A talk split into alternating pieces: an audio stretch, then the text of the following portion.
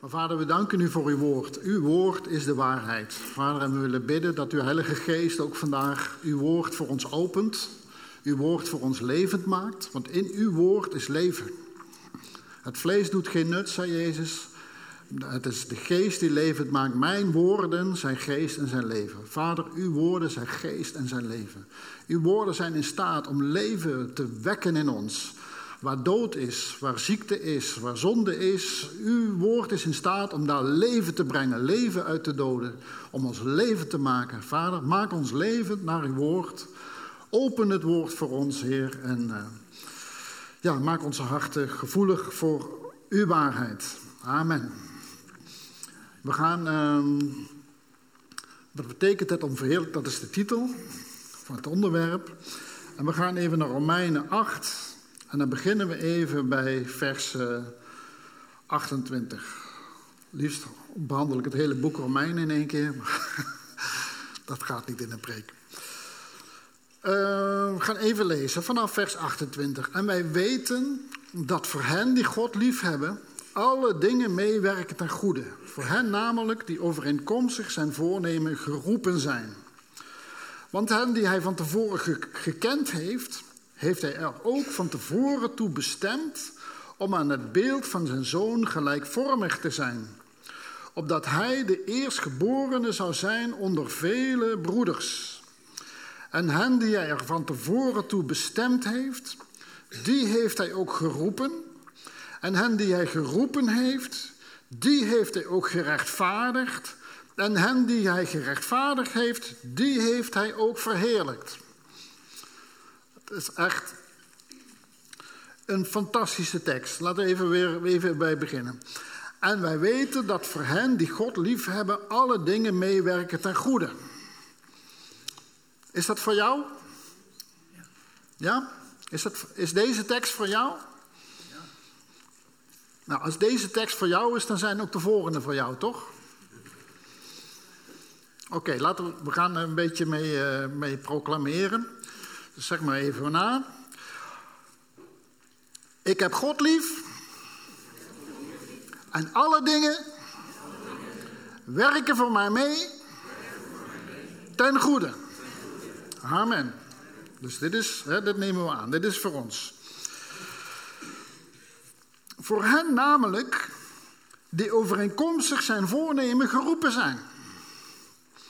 Dus als de eerste tekst voor jou is, dan is ook de volgende voor jou. Namelijk dat jij dus geroepen bent volgens zijn voornemen. Oftewel, God was al van plan om jou te roepen.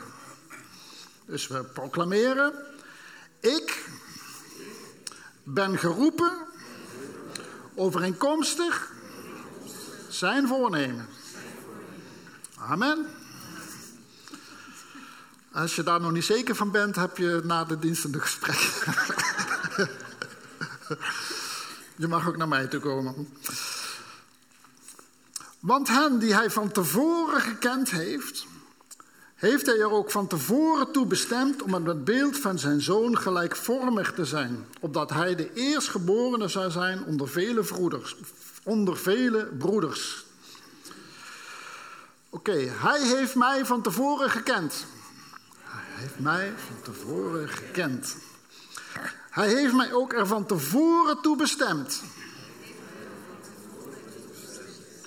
Om aan het beeld van zijn zoon gelijkvormig te zijn. Zodat ik een broeder van hem zou zijn. En hen die hij er van tevoren toe bestemd heeft, die heeft hij ook geroepen. En die hij geroepen heeft, die heeft hij ook gerechtvaardigd. En hen die hij gerechtvaardigd heeft, die heeft hij ook verheerlijkt. Oké, ik ben er van tevoren toe bestemd. Dus ik ben ook geroepen. Dus ik ben ook gerechtvaardigd. Dus ik ben ook verheerlijkt. Nou staat dat laatste, ik ben verheerlijkt, Even kijken. Oh, dat is een beetje vreemde vertaling.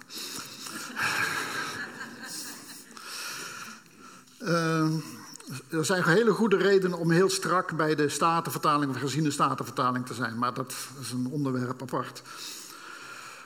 Um, wat hier dus letterlijk staat in de Statenvertaling en in de herziene Statenvertaling is dat wij verheerlijkt zijn. En het staat op het eind van dit hele cyclus, van dit hele vers. Oftewel, het hele proces heeft als eindbestemming, toch, als einddoel uiteindelijk onze verheerlijking. En het staat ook nog eens een keer in de voltooid tegenwoordige tijd. Er staat niet, hij zal ons verheerlijken, hij gaat ons verheerlijken. Misschien als je het allemaal goed doet. Nee, er staat, hij heeft. En we zijn net tot de conclusie gekomen, deze tekst is voor mij. Dus jij bent verheerlijkt. Het probleem is dat de meeste mensen geen enkel concept meer hebben van wat dat is. en eigenlijk geen idee van wat betekent dat om verheerlijkt te zijn. In onze moderne cultuur, waarin geen gezag en geen autoriteit er eigenlijk wezenlijk meer toe doet, snappen wij niet meer wat verheerlijkt is. We gebruiken het woord nog van, nou, uh, hoe was het eten gisteren? Ja, het was heerlijk. lekker uh, weekendje op vakantie geweest, lekker naar het strand geweest, uitgewaaid, heerlijk. Op die manier gebruiken wij nog het woord heerlijk. Maar we begrijpen niet echt wat de kern van het woord verheerlijkt is. Nou, de kern van het woord verheerlijkt is Heer. En Heer heeft te maken met heerschappij. Oftewel in modern Nederlands de baas zijn. Dus letterlijk betekent het woordje verheerlijkt. En onze Nederlandse statenvertalers hebben hier een ongelooflijk goed ding van gemaakt door het Griekse woord, wat daar staat, te vertalen met verheerlijkt. King James kan daar nog wat van leren. Veel van mijn Engelse vrienden zijn erg trots op hun King James. Maar hun King James zit ook af en toe met wat vertaalproblemen. Maar de Statenvertalers hebben gekozen voor het woord verheerlijkt. En voorkomen terecht. Voorkomen terecht is een hele juiste vertaling die heel veel zegt als je het woord verheerlijken begrijpt. Dus gaan we even onderzoeken wat het woord verheerlijken precies in, inhoudt. En daarvoor gaan we even naar Johannes 17.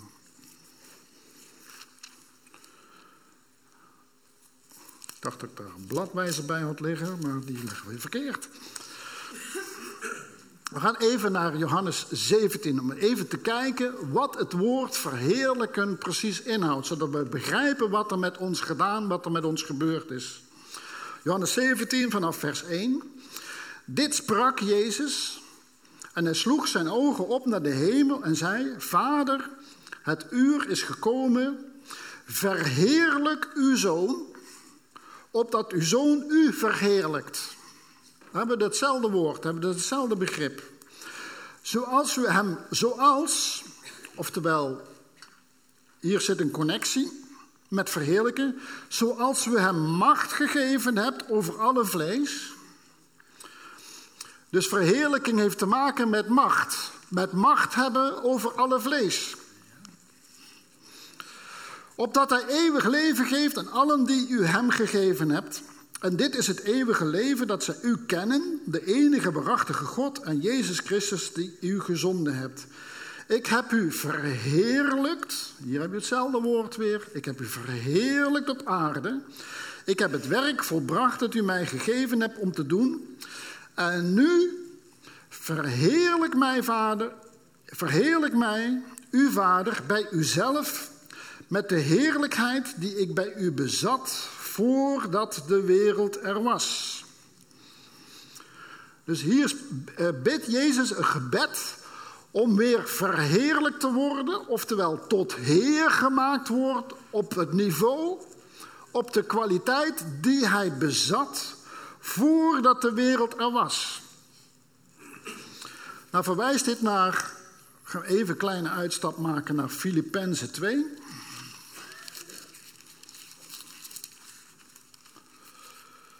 Efeze, Colossense, Filippenzen, als ik het goed heb. Nee, ik heb het niet goed.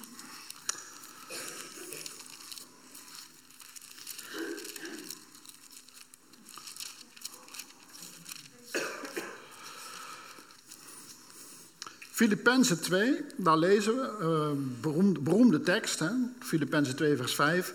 Laat daarom die gezindheid in u zijn die ook in Christus Jezus was, die hoewel hij in de gestalte van God was, hè, verheerlijk mij met de heerlijkheid die ik bij u had voordat de wereld was, die in de gestalte van God was, het niet als roof beschouwd heeft aan God gelijk te zijn, maar zichzelf ontledigd heeft door de gestalte van een slaaf aan te nemen en aan de mensen gelijk te worden. En een gedaante als een mens bevonden, heeft hij zichzelf vernederd, is gehoorzaam geworden tot de dood, ja tot de kruisdood. Daarom heeft God hem ook bovenmate verhoogd en heeft hem een naam geschonken boven alle naam, opdat in de naam van Jezus zich zal buigen elke knie van hen die in de hemel en die op de aarde en die onder de aarde zijn, en elke tong zal beleiden dat Jezus Christus de Heere is, tot heerlijkheid van God de Vader. Oftewel, in Johannes 17 bidt Jezus om weer hersteld te worden in de heerlijkheid, oftewel in het Heer zijn de naam boven alle namen, de Heer boven alle heren te zijn. De positie die hij had, die hij dus blijkbaar afgelegd heeft. Hij heeft zich ontdaan van, van, van, die, van die heerlijkheid. Hij heeft zich ontdaan daarvan om aan, de wereld te laten zien dat de Vader de Heer is. En hij bidt in Johannes 17 dat door dit proces van de kruisdood, de, het offer wat Jezus doet, de, de dood, de opstanding en de hemelvaart, om weer hersteld te worden in die heerlijkheid. Dat is letterlijk de beschrijving van de verheerlijking. Nou, wat is het effect daarvan? Dat gaan we even opzoeken in Efeze. Efeze 1, en dan gaan we eventjes uh, gebed van Paulus. Paulus bidt, geleid door de Heilige Geest. Hè, dit is teksten die door de Heilige Geest geïnspireerd zijn. Daar bidt hij vanaf vers uh, 18 even. Dat we zullen gaan zien, dat we verlichte ogen van het verstand krijgen, dat we gaan begrijpen, om te weten wat de hoop van zijn roeping is en wat de rijkdom is van de heerlijkheid van zijn erfenis in de heiligen. En wat de alles overtreffende grootheid van zijn kracht is aan ons die geloven overeenkomstig de werkte van de sterkte van zijn macht.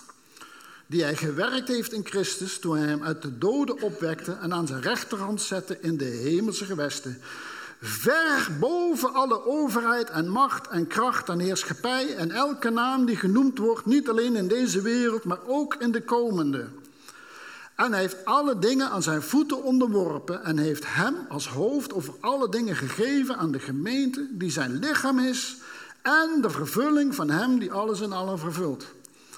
Dit is de beschrijving van de verheerlijking van Jezus Christus. Dus wat hij bidt in Johannes 17 is hier in Efeze wordt het beschreven als dit is gerealiseerd. Dit is realiteit. Jezus is geplaatst op een plaats hoog, ver boven alle overheid en macht en kracht en heerschappij en elke naam die genoemd wordt, niet alleen in deze wereld, maar ook in de komende. Dat is wat verheerlijking betekent. Hij is tot Heer gemaakt. Heer gemaakt boven alle dingen. En wat lazen we nou in Romeinen? Wat is er met jou en mij gebeurd? Wij zijn met hem en in hem verheerlijkt. Dat betekent niet dat je lekker gemaakt bent. Nee, dan lezen we even door in Efeze 2. Laten we maar even vers 4 beginnen. Maar God, die rijk is in barmhartigheid, heeft ons door zijn grote liefde waarmee hij ons lief gehad heeft, ook toen wij dood waren door de overtredingen, met Christus levend gemaakt. Uit genade bent u zalig geworden. En heeft ons met hem opgewekt en met hem in de hemelse gewesten gezet in Christus Jezus. Dit gaat over jouw verheerlijk. Jij bent dus met hem geplaatst in een positie in de hemelse gewesten. Als jij verheerlijk bent, betekent dat dus, jij hebt een positie gekregen in de hemelse gewesten. Wat voor positie? Met hem, in Christus. Dat betekent dus dat jij en ik ver boven alle overheid en macht en kracht en heerschappij en elke naam die genoemd wordt, niet alleen in deze wereld, maar ook in de komende zijn. Dat is wat het betekent dat jij verheerlijkt bent. Oftewel, je hebt een positie van gezag gekregen. Je hebt een positie van heerschappij gekregen. En ieder religieus stemmetje in ons zegt van, wat arrogant. Wie denk jij wel dat je bent? Nee, er is niks arrogants aan. Dat is namelijk waarvoor je geschapen bent. Genesis 1, vers 26. Laat ons mensen maken naar ons beeld en ons gelijkenis, opdat zij heersen. Daar heb je het woord heer weer. Opdat zij heersen, heerschappij uitoefenen over de hele aarde. Dat is die hij van tevoren gekend heeft, die hij van tevoren geroepen heeft, die hij van tevoren bestemd heeft. Dus het is gewoon je bestemming, het is gewoon je roeping. Het is je bestemming om heerschappij uit te oefenen over de aarde. Niet zomaar, niet naar eigen willekeur, niet naar eigen inzicht, maar in zijn beeld en zijn gelijkenis. Oftewel, op precies dezelfde manier erover denken als hij erover denkt. Op precies dezelfde manier erover willen als hij erover wil. Precies dezelfde manier erover voelen. Precies dezelfde manier ermee om willen gaan. In dezelfde mentaliteit, in dezelfde gezinte. Dezelfde, dat is gelijkvormig aan hem. Dat maakt je niet tot hem. Maar hij is nog steeds de Heere der heren. Hij is de koning der koningen.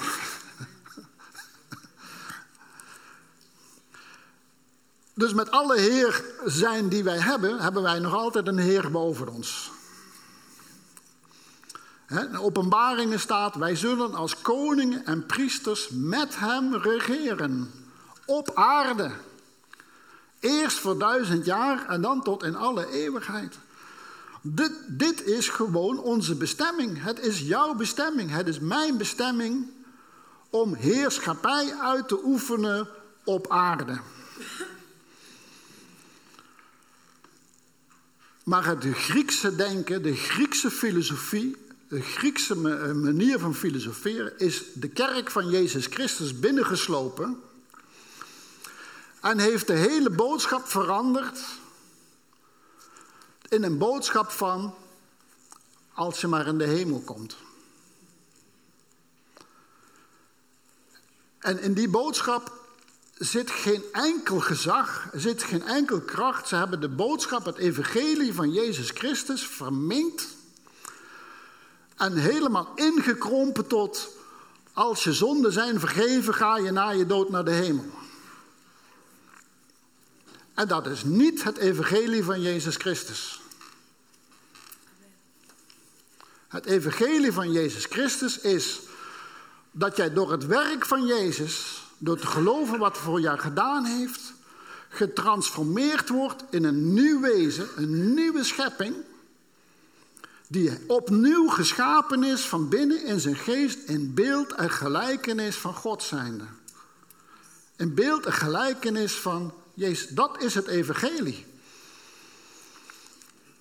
En je bent daarvoor, je, je roeping daarvoor is niet om voor eeuwig tussen de wolkjes in de hemel te rond te zweven en op een gouden harpje te spelen.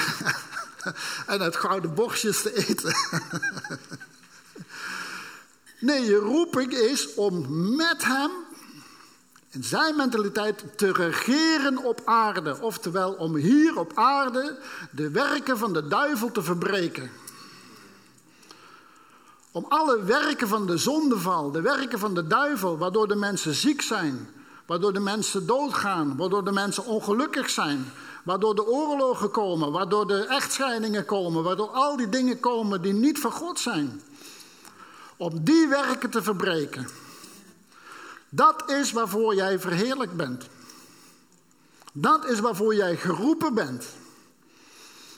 En dat is niet arrogant, nee, dat is eindelijk gaan doen waarvoor je bestaat. Het is niet meer en niets minder dan dat. Dat is wat het betekent om verheerlijk te zijn. Het betekent, jij hebt een gezag gekregen, je hebt een autoriteit gekregen, ver boven iedere naam, ver boven iedere macht en kracht die op dit moment in deze wereld rondgaat. En dan zeg je, ik merk er niks van en ik voel er niks van. Dat staat hier ook niet, dat je dat voelt of dat je dat merkt. er staat hier dat je dat bent. Maar als de boodschap die je gepredikt wordt, is alleen maar van, jij arme zondaar mag blij zijn dat je niet naar de hel gestuurd wordt, maar naar de hemel krijg je een boodschap die jou berooft van iedere autoriteit, van ieder gezag, van iedere kracht die je in feite hebt in de hemelse gewesten. Het is die gnostieke Griekse filosofie die zegt van het gaat er maar om dat we hier uit deze materiële wereld wegkomen en dat we voor eeuwig in, de, in het geestelijke wereld zijn. Met allerlei namen, of dat nu de hemel is, of het paradijs, of het nirwana, of de eeuwige jachtvelden, of uh, Walhalla. Of, het zijn allemaal gnostieke concepten, die omdat de gemeente van Jezus Christus al heel vroeg te vol werd met Griekse mensen en Griekse filosofen en Griekse denkers, en de Joden er eigenlijk uitgewerkt werden is dat zo massaal in de christelijke kerk gekomen en het berooft de kerk van Jezus Christus van haar gezag, het berooft de kerk van haar macht. En mensen denken dat alleen maar bepaalde speciale gezalfde personen iets, iets mogen doen. Als jij wederom geboren bent, als jij Jezus hebt aangenomen als jouw Heer, dan ben jij met hem geplaatst in de hemelse gewesten. Als jij de Heilige Geest ontvangen hebt, heb jij de zalving. De zalving is niks anders als het zichtbaar worden van de tegenwoordigheid van de Heilige Geest. Zalving is niet een speciaal kruikje olie wat op speciale personen speciale effecten heeft. Het is niks anders als de, de openbaar worden van de, dat de Heilige Geest aanwezig is. Als je dat merkt, als je dat voelt, dat is salving. Dat ben jij niet, nee, dat is Hij. maar het is de bedoeling dat wij gaan geloven en gaan weten dat wij daarvoor bestemd zijn. Dat wij bestemd zijn om te wandelen in de kracht en in de gezag van de Heilige Geest. Dan staat er ook, als je Romeinen 8 weer teruggaat, daarvoor, dat heel de schepping met rijkhalzend verlangen uitkijkt naar het openbaar worden van de kinderen Gods. Oftewel, de hele schepping zit erop te wachten totdat jij en ik weer gaan optreden als wie we zijn, namelijk kinderen van God. Met Hem geplaatst in de hemelse gewesten. En dat we, dat, dat we ons gezag en autoriteit gaan nemen. En dat we de dingen van de duivel en de, de werken van de duivel niet langer accepteren. Dat we niet langer accepteren dat het werkzaam is in ons leven. Ziekte hoort niet te werken in ons leven. Niet alleen dat van ons, maar ook van de mensen om ons heen. Gelovig of ongelovig. Zonde hoort niet te werken in ons leven. En daar hebben wij heerschappij over gekregen. Maar als niemand het je vertelt, als niemand je uitlegt, hoe kan je het geloven? Want om erin te gaan wandelen moet je het gaan geloven. En geloven komt door het horen en het horen uit het woord van God. Nou, dat hoop ik u bij deze een beetje uitgelegd te hebben. Dit, dit is wat er staat. Nog eens een keer naar Romeinen 8 teruggaan. En wij weten dat voor hen die God liefhebben, alle dingen meewerken ten goede. Namelijk voor hen die overeenkomstig zijn voornemen geroepen zijn. Want hen die hij van tevoren gekend heeft, heeft hij ook van tevoren toe bestemd om aan het beeld van zijn zoon gelijkvormig te zijn. Opdat hij de eerstgeborene zou zijn onder vele broeders. En hen die hij van tevoren toe bestemd heeft, die heeft hij ook geroepen. Die hij geroepen heeft, heeft hij gerechtvaardigd. En die hij gerechtvaardigd heeft, die heeft hij verheerlijkt. Amen. Zullen sommige mensen misschien in de tussenkommen komen van, ja, weet ik wel zeker of ik wel geroepen ben. Krijgen we discussies over uitverkiezingsleer en dergelijke. Ga ik nu niet, mag je na de samenkomst bij me komen als je daar een probleem mee hebt? Wil ik je dat uitleggen? Maar het begint heel simpel. Begin is laat ons mensen maken ons beeld en gelijkenis. Nou, daar heb je hem. Alleen, niet iedereen reageert erop. En dat is iets wat God van tevoren weet. Wie gaat er reageren, wie niet. Maar dat is jouw keus. Het is jouw keus om te reageren op het aanbod wat Jezus Christus voor jou heeft. En dat is veel meer dan alleen maar vergeving van zonde. Vergeving van zonde is niet anders als het eerste drempeltje. Daarna begint het echte werk. Het echte werk is verlost zijn, levend gemaakt zijn, gerechtvaardigd zijn, geheiligd zijn, apart gezet zijn en uiteindelijk verheerlijkt zijn. Dat is waar het, waar het verlossingswerk om gaat. En dat we misschien voordat de Heer terugkomt en we ons nog niet ons onvergankelijke lichaam ontvangen, misschien even tijdelijk in de, in de hemel verblijven tot de dag dat hij zijn voeten op de olijfberg zet. Dat is een tijdelijke zaak, maar het is niet onze bestemming. Onze bestemming is niet de hemel. Onze bestemming is om met hem als koningen en priesters te regeren op aarde. Dat is verheerlijking. En dat is waar het om gaat in het evangelie. Dank u, Vader. Laat het in ons doordringen dat het werk wat Jezus in ons en aan ons gedaan heeft, veel groter is. Veel meer en veel krachtiger is als wij maar kunnen, uit onszelf kunnen bedenken en kunnen beseffen. Vader, wilt u ons salven met uw Heilige Geest en met uw tegenwoordigheid om te gaan geloven dat als u het zegt, dan is het zo. Of ik dat nu al voel, of ervaar, of merk, of realiseer in mijn leven. Het is wat u zegt. Ik ben geroepen, ik ben bestemd, ik ben gerechtvaardigd en ik ben verheerlijkt. En vader, we nemen ons voor om vanaf nu af aan te gaan wandelen. Te gaan wandelen in onze bestemming. Als kinderen van God, als zonen en dochters van de Allerhoogste. Gelijkvormig gemaakt aan het beeld van uw Zoon, Jezus Christus met hem gezeten in de hemelse gewesten. Wij zijn niet langer slachtoffers. Wij zijn niet langer onderworpen aan de dingen van deze wereld. Wij zijn niet langer onderworpen aan de werken van de duivel. Wij gaan vanaf nu heerschappij over deze zaken nemen, autoriteit over deze dingen nemen. En waar we ze tegenkomen, zullen ze moeten wijken in Jezus' naam. Amen. Halleluja. Prijs God.